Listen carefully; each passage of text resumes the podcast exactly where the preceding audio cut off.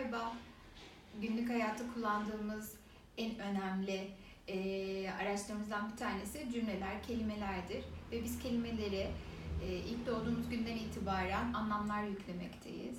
Buna da aslında bir nebze bu çalışmadan sonra aydınlanmanın e, bir farklı versiyonu diyebiliriz. Çünkü e, aslında şöyle oluyor. Günlük hayatımızda kullandığımız, sarf ettiğimiz kelimeler var. Mesela en çok kullandığımızdan başlayalım. Günaydın. Günaydın. Nasılsın? İyiyim. Güzel. Şimdi bilinçaltındaki hafıza depomuzda iyiyimi ilk defa kullanıyoruz diye düşünelim. Ve o anki duygu durumumuz gerçekten de tam anlamıyla iyi. Peki. Hemen şuraya da şu kısmı iyi hanesine pozitif duygular yazdık. Muhteşem. Artık iyi dediğimiz zaman bilinçaltı bize bu duyguları verecektir. Harika. Peki birkaç gün sonra gerçekten duygu durumunuz birazcık aşağılarda ve size arkadaşınız sordu. Nasılsın? Fena değiliz ya. İyiyim. Hmm. Bilinçaltı aynı kelime farklı duygular ama onu da aynı dataya koydu. Çünkü iyiyim dedi. Haliyle de Araf duyguları da içine koyduk. Doğru mu? Doğru. Peki geldik gerçekten moralimiz çok bozuk. Muhteşem derecede bozuk. Nasılsın? İyiyim. Nasıl bir iyiyim? Çok kötü bir iyiyimdi bu. Peki hemen haneye ne koyduk? Gene iyiyim hafızasına koyduk. Peki artık bilinçaltında iyiyim dediğimiz zaman hangi duygular var? Keyifli, mutlu, fena değil, hmm, hayat çok sıkıcı, hayat berbat, hayat çok kötü, kendimi kötü hissediyorum, mutsuzum, üzgünüm, öfkeliyim, nefret ediyorum. Böyle devam eden duygu durumu silsilesi diyelim. Peki zavallı bilinçaltı iyiyim dediğiniz zaman size hangi duyguyu verecek zannediyoruz? Tabii ki de bunların hepsini harmanlayarak bana bir mix fırlatacak. Yani aslında bazı kelimeleri sarf ettiğimizde karmaşık duygular hissetmemizin tek bir sebebi vardır. O da aslında onlara yüklediğimiz anlamları dürüst bir şekilde kullanmadığımızdan dolayı oluyor. Ya da bu versiyonda artık güne yeni başladınız ve atıyorum anneniz veya hayatınızdaki kişi size nasılsın hayatım bugün dediğinde ya da nasıl uyandın dediğinde iyiyim dediğinizde bu mixle karşılaşacaksınız ve güne böyle başladınız ve bu cümleyi sarf ettiğiniz için ne kadar iyi olabilirsiniz diye hepinize sormak istiyorum. Mümkün mü? Bence çok zor. Peki geldik diğer versiyona. Aslında benim söylemek istediğim şey de ve üzerine değinmek istediğim konu da tam anlamıyla bu. İlişkiler hepimizin hayatında önemli bir yer var. Peki bize göre aşk nedir? Aşkı ben bilinçaltıma gönderirken hangi datayla gönderdim düşünüyorum. Aşk demek filmlerde izlediğim Leyla ile Mecnun mu? Romeo ve Juliet mi? Hmm, aşk ve gururdaki karakterler mi?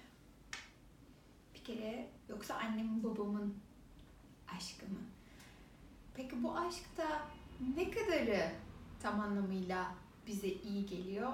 Sürekli birbirlerine kavuşamayan, arada bir süre engeller olan ve duygularını ifade edemeyen ya da e, çok büyük maniler yaşayan ve bunlar için savaşmaları gereken iki insandan başka bir şey değil. Gel gelelim bir de etrafımızdaki aşk kavramlarına bakalım. En iyi arkadaşım birine çok aşık ama adam çok acımasız. Ya da ee, kız onu çok sevmiyor ama adam onu çok seviyor ama vesaire. Yani aslında altında çok da temiz fazla bir şey yok. Ama biz hayatımıza aşkı istiyoruz, sevgiyi istiyoruz. Peki bu kadar negatif örnek varken her şeyin de ötesinde bambaşka bir şey söylüyorum. Aşk kavramınız bozukken tabii ki de bunun versiyonları size gelecektir.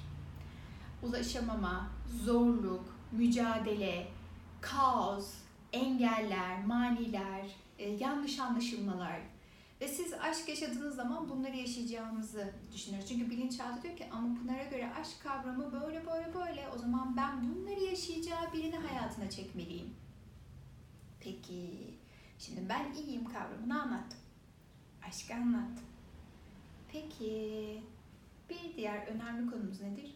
İş hayatımız. Yani bolluk, bereket, para kavramı. Peki para bizim için nedir? Peki parayı içinizden tekrarlayayım. Bu benim için özel bir çalışmadır. NLP'de de kullandığımız bir yöntemdir. İçinizden hepinizin 10 defa aşk veya para veya anlam olarak hangi konuyu değiştirmek istiyorsanız veya merak ediyorsanız ya da zenginlik olabilir. Çünkü zenginlik sadece maddiyatla alakalı bir şey değil. Ruhani olarak da zengin olabiliriz. Mutluluk açısından da zengin olabiliriz. O yüzden zenginlik sizin için neyse. Mesela bir tane deneme yapalım.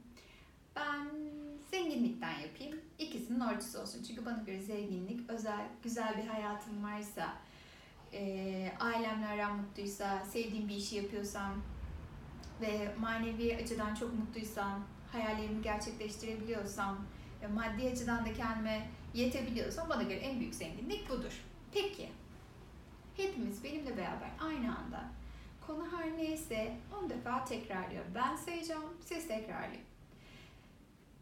Lütfen tekrarlayın. Birazdan neden söylediğimi anlayacaksınız. 1. İçinizden veya yüksek sesle zenginlik, aşk veya para diyebilirsiniz. 2. 3. 4. 5. 6. 7. 8.